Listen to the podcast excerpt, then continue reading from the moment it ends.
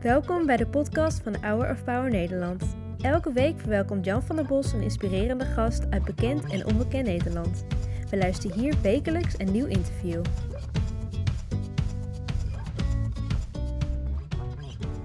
Thomas heeft een heel bijzonder levensverhaal. Je hebt net al enthousiast gezien met zijn ijs aan de opening van het programma. Hebben heerlijk opgegeten. Thomas, jij groeide op in een niet-gelovig gezin. En je hebt de meest christelijke ijssalon van Nederland nu. Als er al een christelijke ijssalon is. Ja. V- Vertel eens even over jouw achtergrond.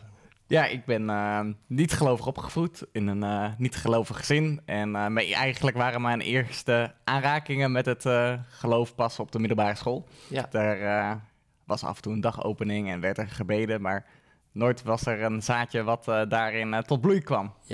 Je bent een super jonge ondernemer, want je op je 17e had je een droom. Ik, 17 hè? Ik ga een ijssalon beginnen in Veenendaal.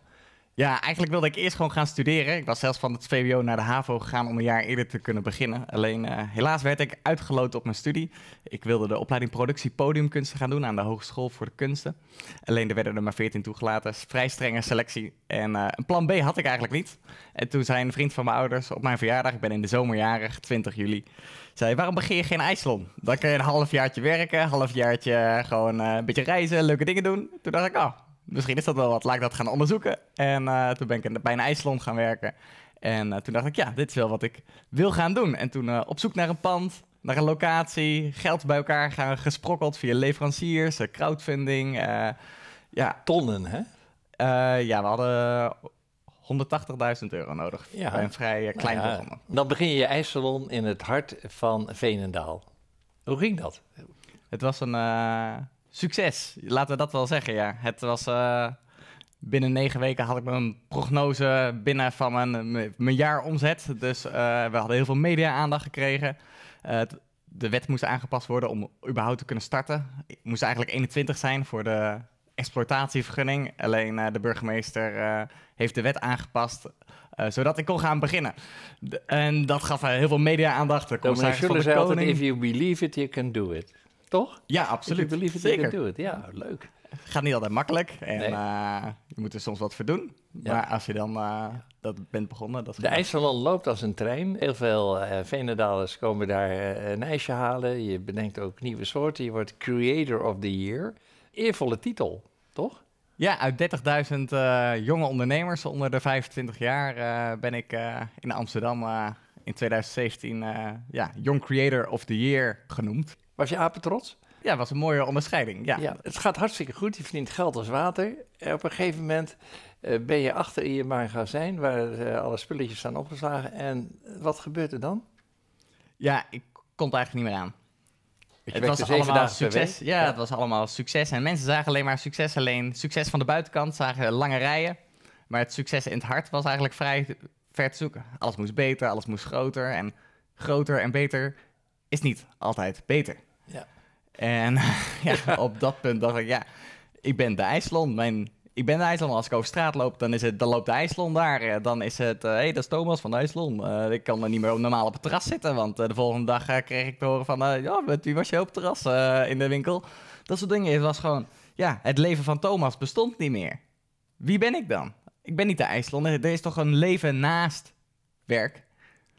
Maar alles moest beter en groter. En elk jaar was ik aan het verbouwen. En er werd er weer een muur doorbroken. En huurde ik er weer ruimte bij, want het was te klein. Het moest beter. En ja, tot het eigenlijk op het moment kwam van... Ik, hoe groter de IJsland werd, hoe meer ik mij achter in het magazijn ging verschuilen. Ik kon dat toneelstukje niet meer opvoeren van... Ha, het gaat goed. En ja, goed. Hè? Ja, mooi weer. Lekker. Ja, ja, ja. En dan wil je een keer zeggen dat het niet goed met je gaat. Wat voelde je van binnen? Want van de buitenkant, je zei het al, was je succesrijk. Maar wat, wat, wat verscheurde jou van binnen? Ik was altijd maar bezig, dingen aan het verzinnen, vanaf kinds af aan al, om waardering te krijgen, om een leegte op te vullen van binnen, nieuwe dingen verzinnen. En dan maak je zo druk dat je eigenlijk in je hoofd niet meer hoeft te voelen. Wat deed dat in je leven? Ja, dat maakte me ongelukkig. Dat was, was niet, ik liep niet in mijn, met plezier op, op de zaak en het eh, kostte heel veel energie. En eh, ja, dat maakte dat ik een zoektocht ging na, maken naar eh, ja, wie ben ik dan? En toen ben ik in, uh, in aanraking gekomen met het uh, christelijk geloof. Via mijn uh, ex-vriendinnetje. Toen in die tijd.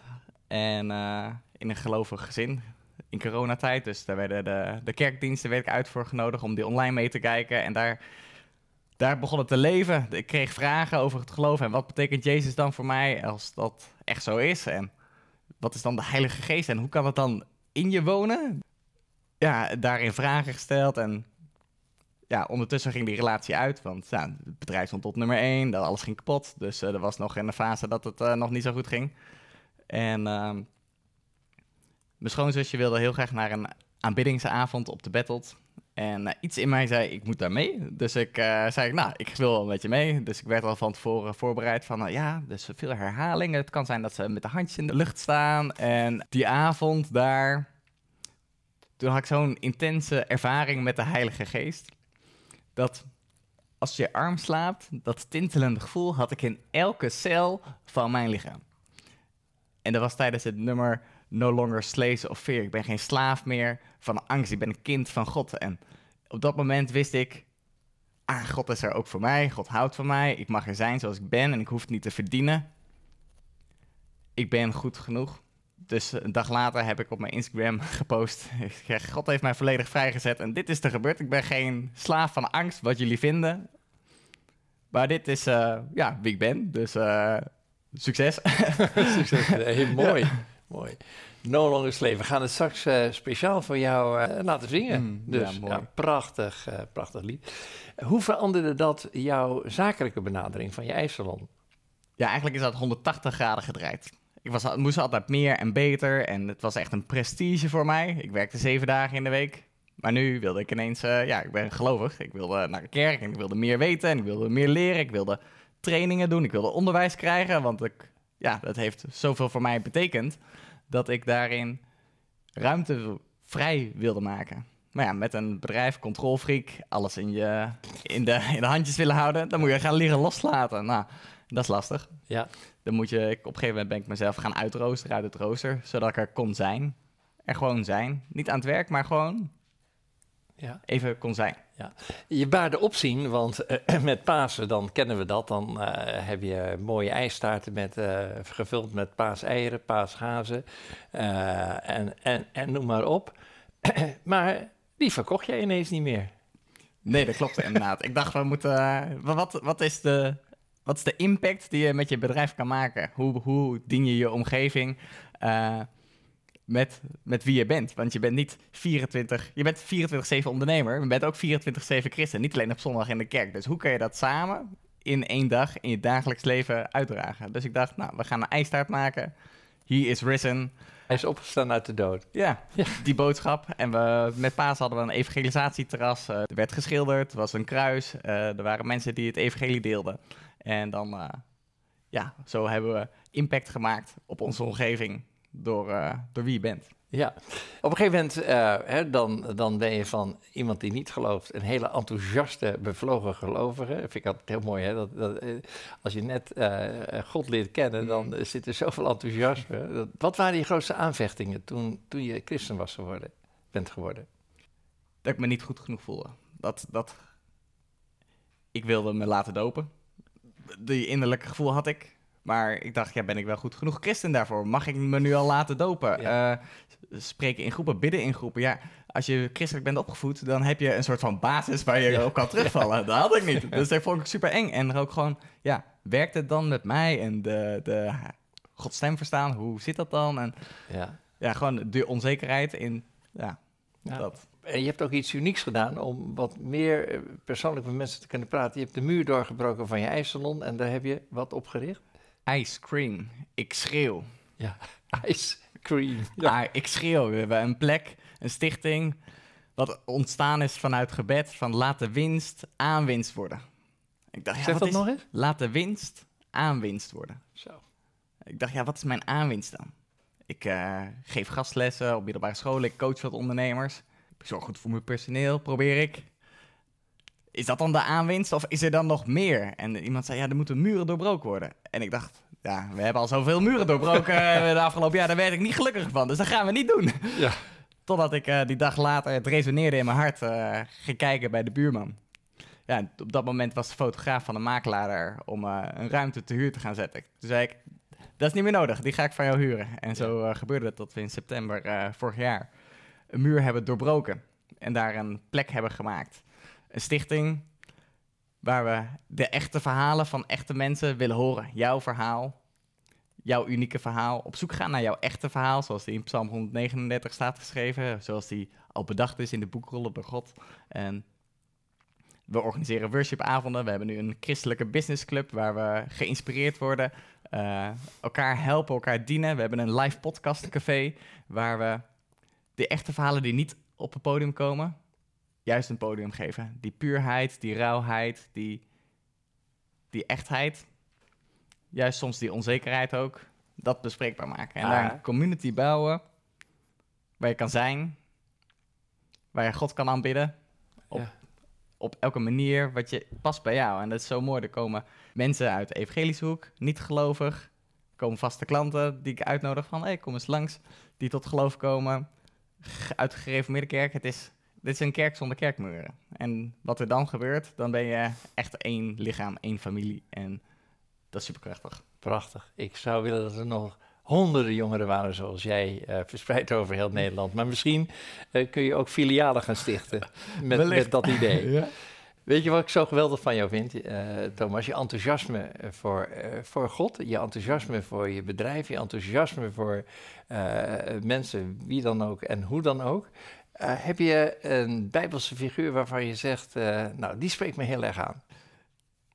Ja, eigenlijk heb ik geen bijbelse figuur. Dat is echt heel erg.